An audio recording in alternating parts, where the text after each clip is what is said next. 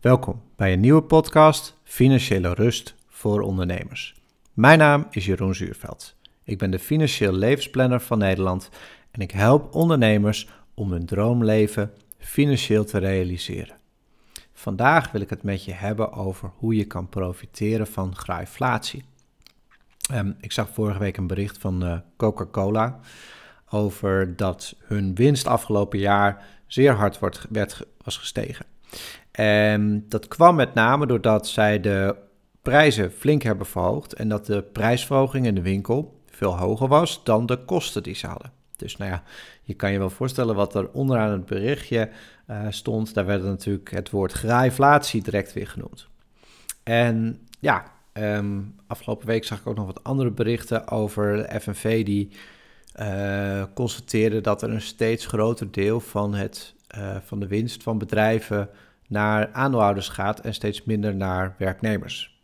Um, nou spreekt iedereen natuurlijk uh, voor zijn eigen achterban, maar um, de FNV heeft hier wel een punt, want inkomensongelijkheid is eigenlijk altijd al geweest. En is een mooi boek wat een jaar of acht, negen geleden is uitgekomen. Kapitaal in de 21ste eeuw van Thomas Piketty. En eigenlijk dat is een e Franse econoom en die heeft ook wel bewezen dat ja, kapitaal wordt gewoon beter beloond dan arbeid. En ik zeg niet dat het moet veranderen, want ik denk niet dat je het kan veranderen.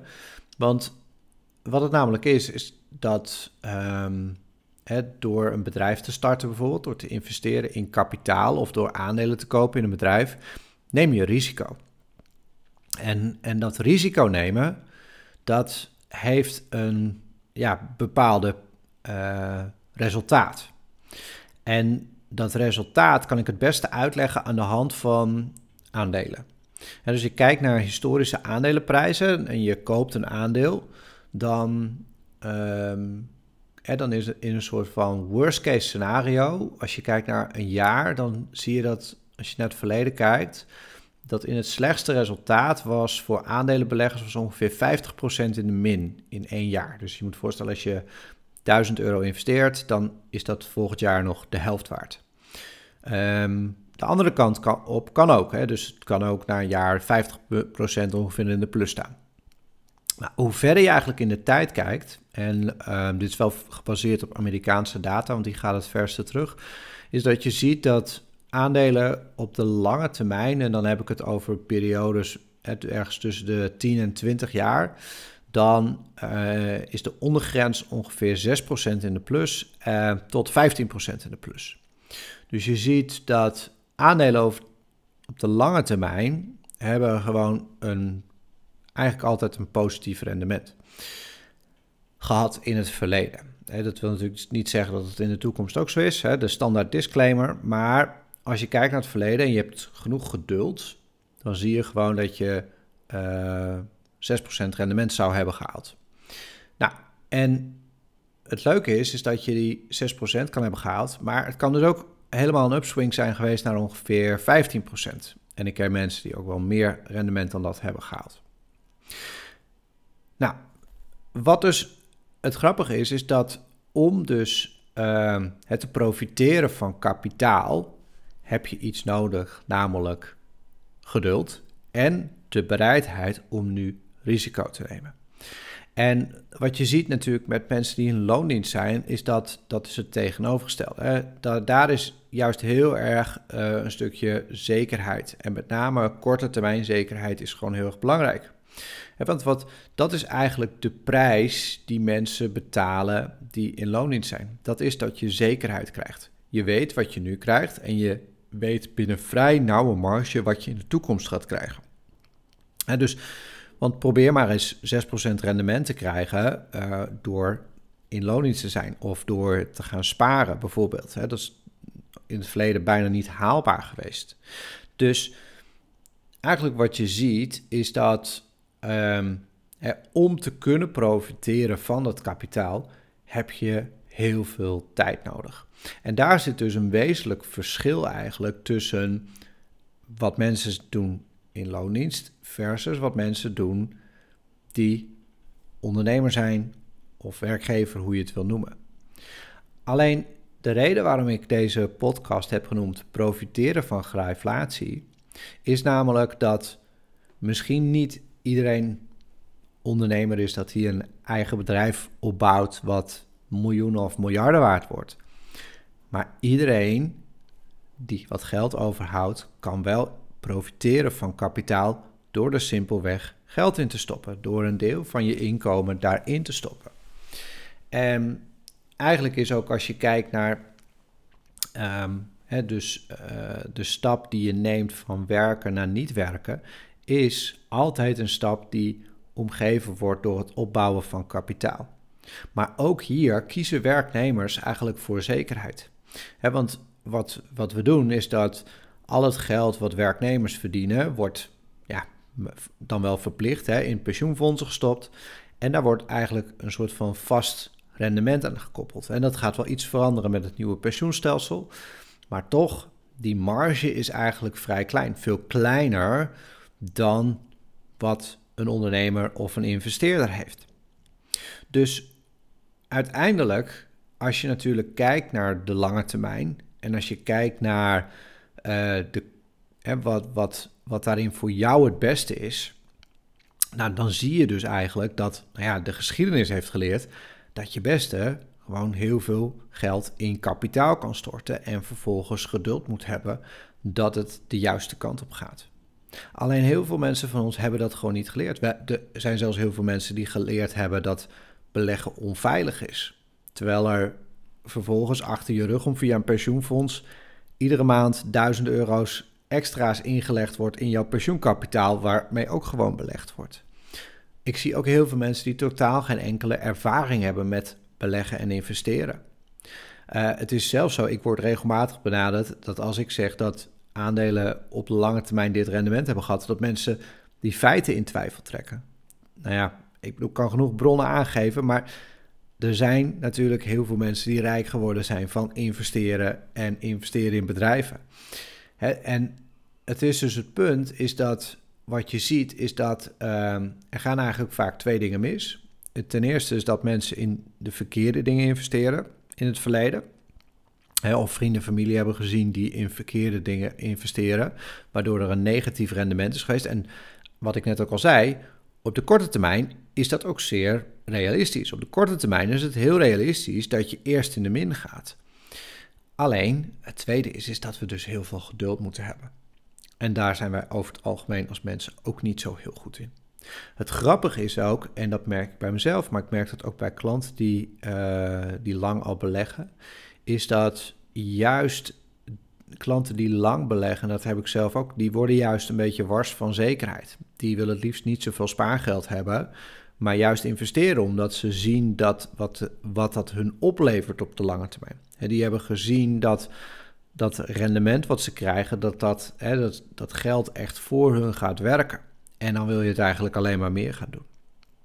En dus waar gaat het nou in die zin vaak fout? Nou, uh, heel vaak bij investeringen uh, gaan er twee dingen fout.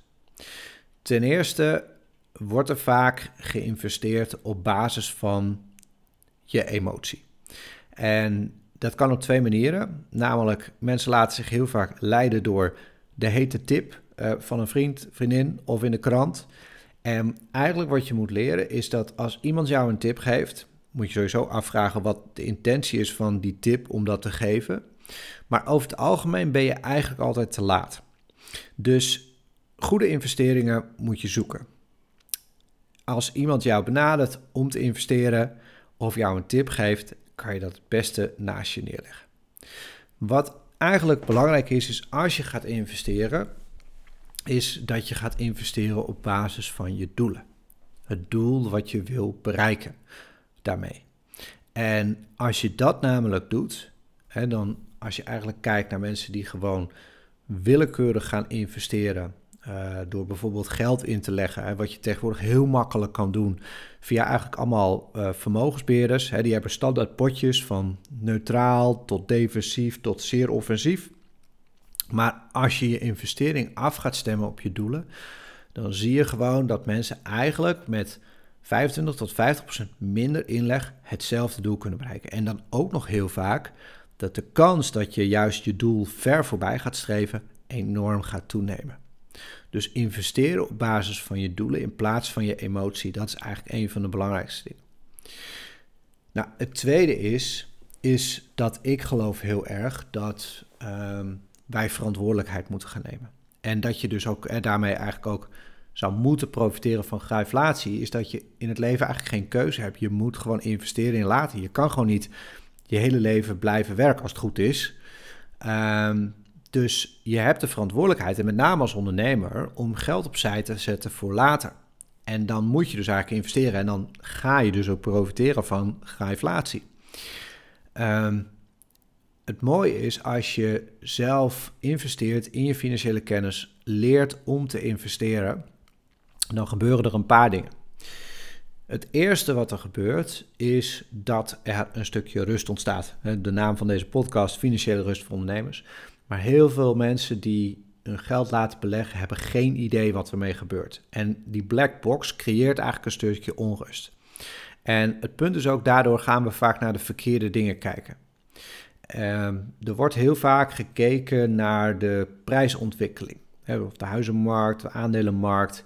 En eh, daar zou je niet naar moeten kijken. Waar je moet naar moeten leren kijken is naar het onderliggende fundament van de investering. Dat je snapt waar je in investeert. Dat geeft enorm veel rust. Maar dan moet je wel snappen wat je doet. Nou, het tweede voordeel is als je leert investeren, dan gebeurt er nog iets anders. Bij heel veel mensen die hun geld laten beleggen, daar is vooral dat de financiële partij waarbij je belegt er veel beter van wordt. Het, het heel gebruikelijk ehm, mechanisme in uh, de financiële sector is Asset Under Management of AUM. En eigenlijk wordt er heel vaak gekeken naar van, goh, wat, um, hoeveel bezit heeft mijn klant? En daar wordt dan vervolgens een percentage van afgeroomd. In de meeste gevallen 1 tot 2, maar soms wel 3 procent. Dus wat je heel vaak ziet is dat ongeacht het resultaat wat er gemaakt wordt, de financiële partijen die voor jou de investeringen uitzoeken, er vaak veel beter van worden dan jij zelf. En dat het ook nog een keer vaak niet afgestemd is op jouw persoonlijke doelen.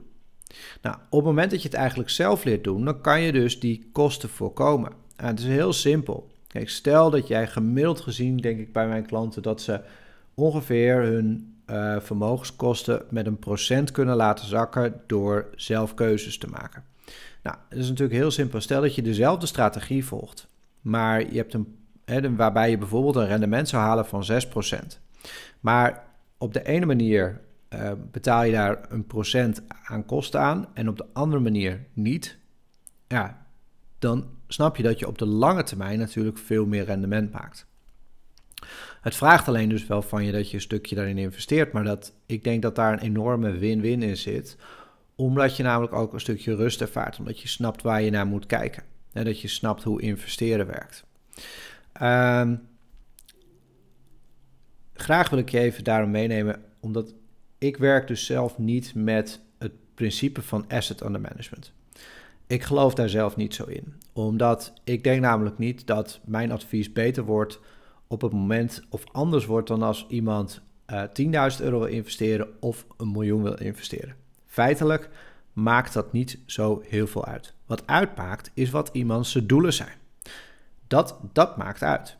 En daarom werk ik dus niet met dat principe van asset under management. Mensen betalen bij mij gewoon een vast bedrag uh, waarmee ik ze inzicht geef in welke investeringsstrategieën jij het beste je doelen kan behalen. En of dat je nou een miljoen hebt of 10.000 euro, is voor mij in die zin irrelevant. Nou, uh, als je eens meer wil weten over hoe ik werk, ik heb een uh, programma dat heet Financieel Vrij in 10 minuten per maand. En die is gebaseerd op dit principe. Uh, met het programma maak ik een financieel plan voor klanten waaruit hun doelen naar voren komen waarin ik laat zien is welke investeringsstrategie jou de grootste kans geeft om die doelen te bereiken, waarbij je zo met zo min mogelijk geld dat doel kan bereiken. En daarnaast leer je hoe je zelf kan beleggen. Of hoe je het beter kan uitbesteden als je dat graag wil. En daarmee, met die twee elementen, zie ik dus dat je eigenlijk met veel minder inleg een veel grotere kans hebt om je lange termijn doelen te halen en veel meer rust vindt. Nou, wil je meer weten over dit programma? Kijk dan eens op www.financieellevensplanner.nl. Ik hoop dat ik je de volgende keer weer mag ontvangen als gast om deze podcast te luisteren. Een hele fijne dag.